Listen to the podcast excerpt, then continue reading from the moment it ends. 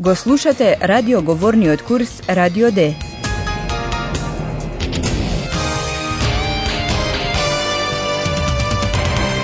Заеднички проект на Гете институтот и Радио Дојче Веле. Авторка е Херат Мезе.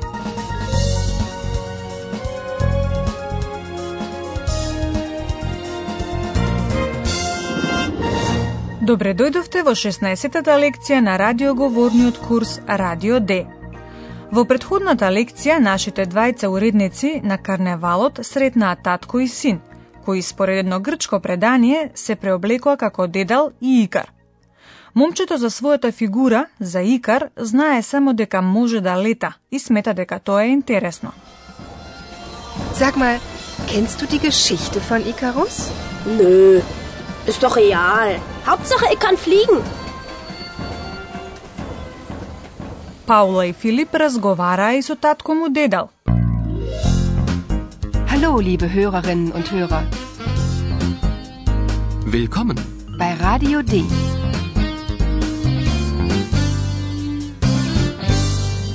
Radio D. Die Reportage.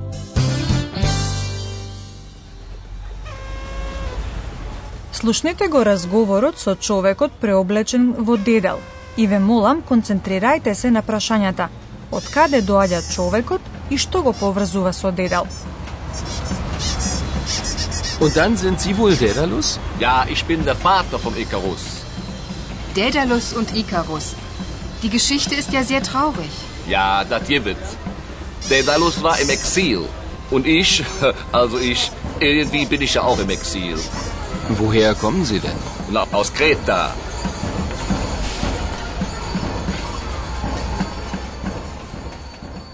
Го слушнавте ли името на грчкиот остров Крит, Крета? Оттаму доаѓа човекот, барем тој така вели, а на Крит исто така бил и Дедал. Woher kommen Sie denn? Na, aus Kreta. Дедал беше познат ковач кој живееше во Атина. Кај него работеше многу надарен чирак која пронеде пилата. Тоа според преданието предизвикало толку голема љубомора кај Дедал, што тој го турнал ученикот од покривот на храмот.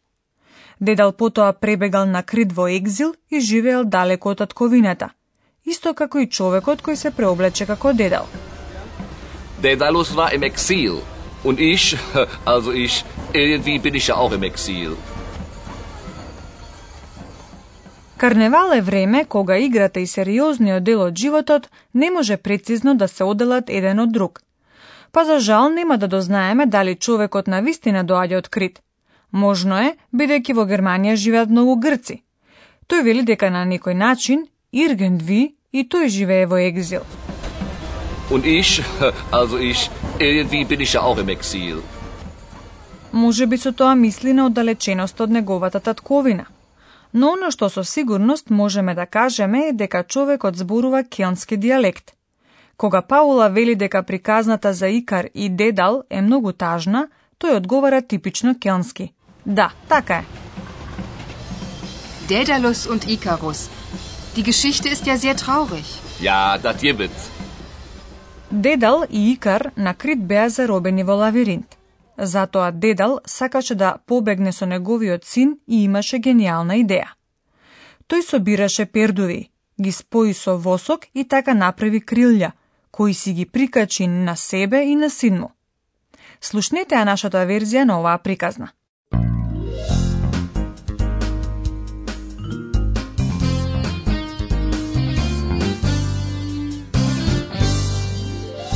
Radio D. Das Hörspiel. Представете си ја ситуацијата во која станува збор за летање. При тоа важна улога играат спротивните поими хох – високо и тиф – длабоко. Слушнете ја сцената.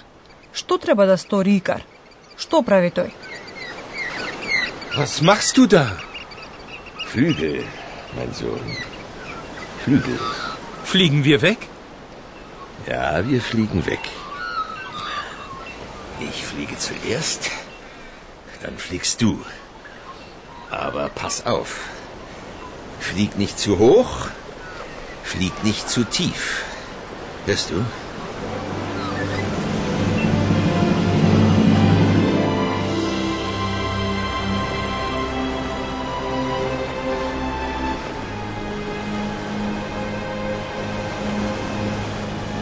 Sie fliegen und fliegen. Und es ist wunderschön. Ikarus ist glücklich und fliegt hoch, hoch. Er fliegt zu hoch.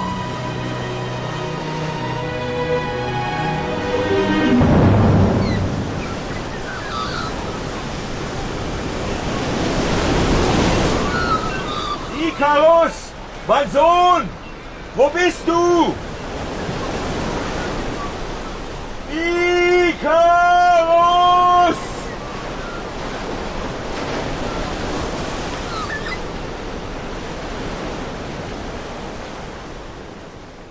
При една ваква храбра авантура прилично е јасно што бара татко му на Икар од него.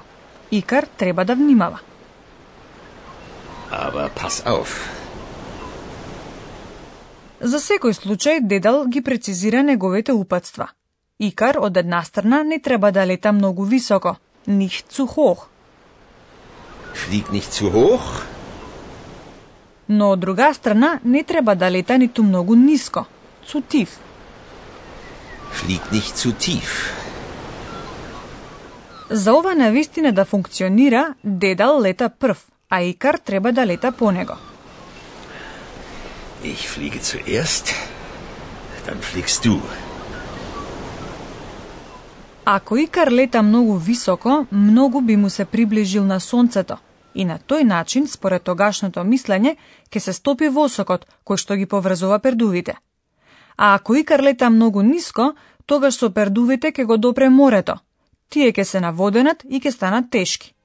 Двајцата летаат и тоа е прекрасно. Sie fliegen und fliegen.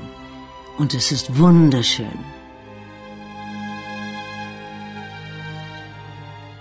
И тогаш се случува токму тоа. Икар е вознесен од среќа и лета многу високо. Ikarus ist glücklich und fliegt hoch, hoch. Er fliegt zu hoch.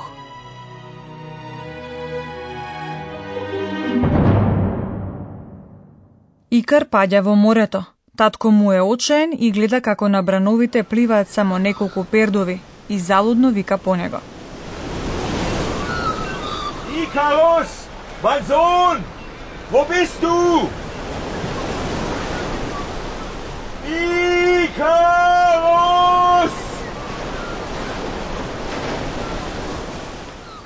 Приказната за дедал Икар е навистина трагична. Да, драги слушатели, се враќаме во сегашноста. Господине професор, имате збор. Und nun kommt unser Professor. Radio D. Gespräch über Sprache.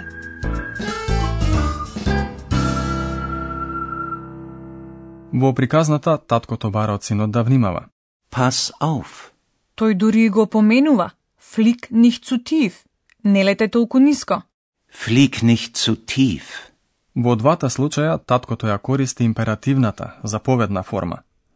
Во германскиот јазик, глаголот во императив стои на прво место во реченицата. Слушнете го примерот уште еднаш и внимавајте ве молам на глаголот flieg на прво место. Flieg nicht zu tief. Но синот Икар тоа не го свати како сериозно предупредување, туку повеќе како совет. Може би во поинаков случај не би паднал во морето. Не знам, но тоа е важен аспект. Сите ние знаеме дека барањата, иако ја имаат истата форма како императивот, звучат многу различно. Императивот значи може да има разни функции во зависност од интонацијата и контекстот. Неутралната форма на зборување укажува на тоа дека станува збор за совет. Pass auf. Flieg nicht zu hoch. Но истото барање може да биде и предупредување или дури и закана. Pass auf. Точно, но исто така може да станува збори за молба. Entschuldige bitte.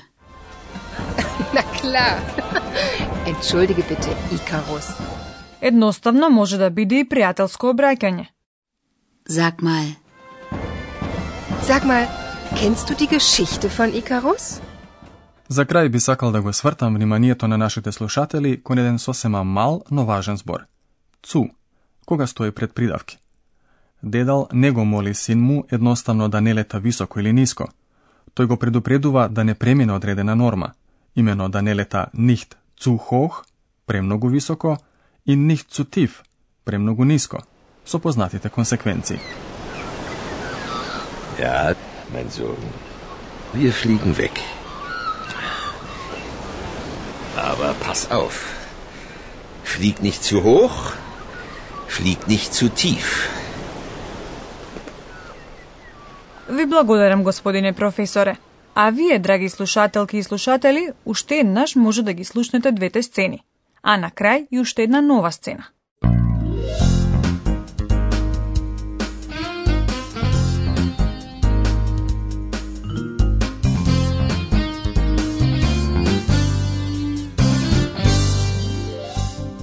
Слушнете што го поврзува човекот што се преоблече како дедал со вистинскиот дедал –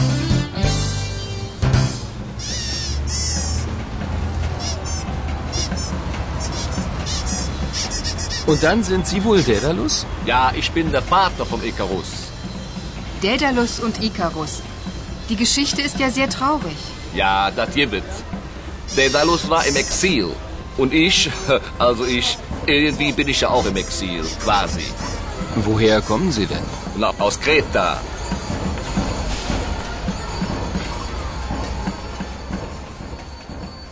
Вака може да си ја представите приказната за Дедал и Икар во грчката митологија. Was machst du da? Flügel, mein Sohn. Flügel. Fliegen wir weg? Ja, wir fliegen weg. Ich fliege zuerst, dann fliegst du. Aber pass auf. Flieg nicht zu hoch, flieg nicht zu tief. Hörst du?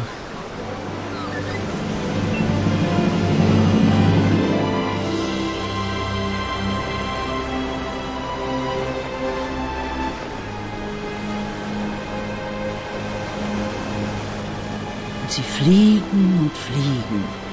Und es ist wunderschön. Ikarus ist glücklich und fliegt hoch, hoch. Er fliegt zu hoch.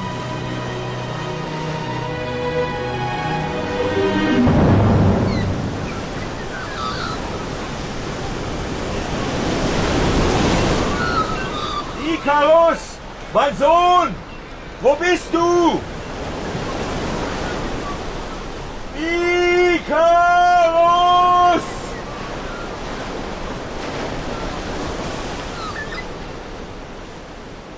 Но не само на улица и во редакцијата Ојлалија, Компо и Јозефине слават карневал.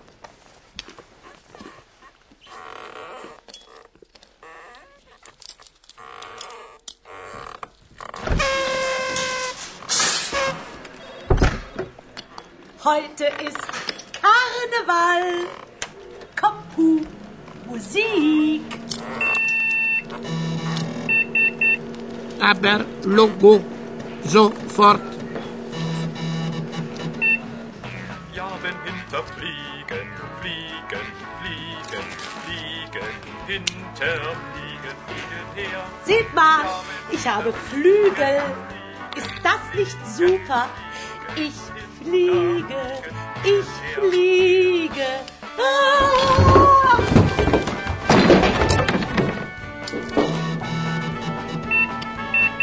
Du fliegst? Ja, wenn hinter fliegen, fliegen, fliegen, fliegen, hinter fliegen, fliegen hinterher. Nur ich fliege wirklich.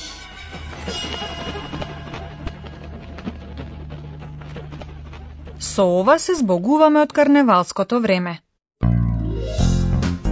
Liebe Hörerinnen und Hörer,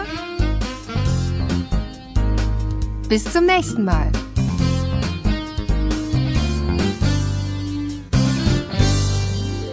Го слушавте Радио Д, курсот по германски на Гете институтот и Радио Дојче Веле.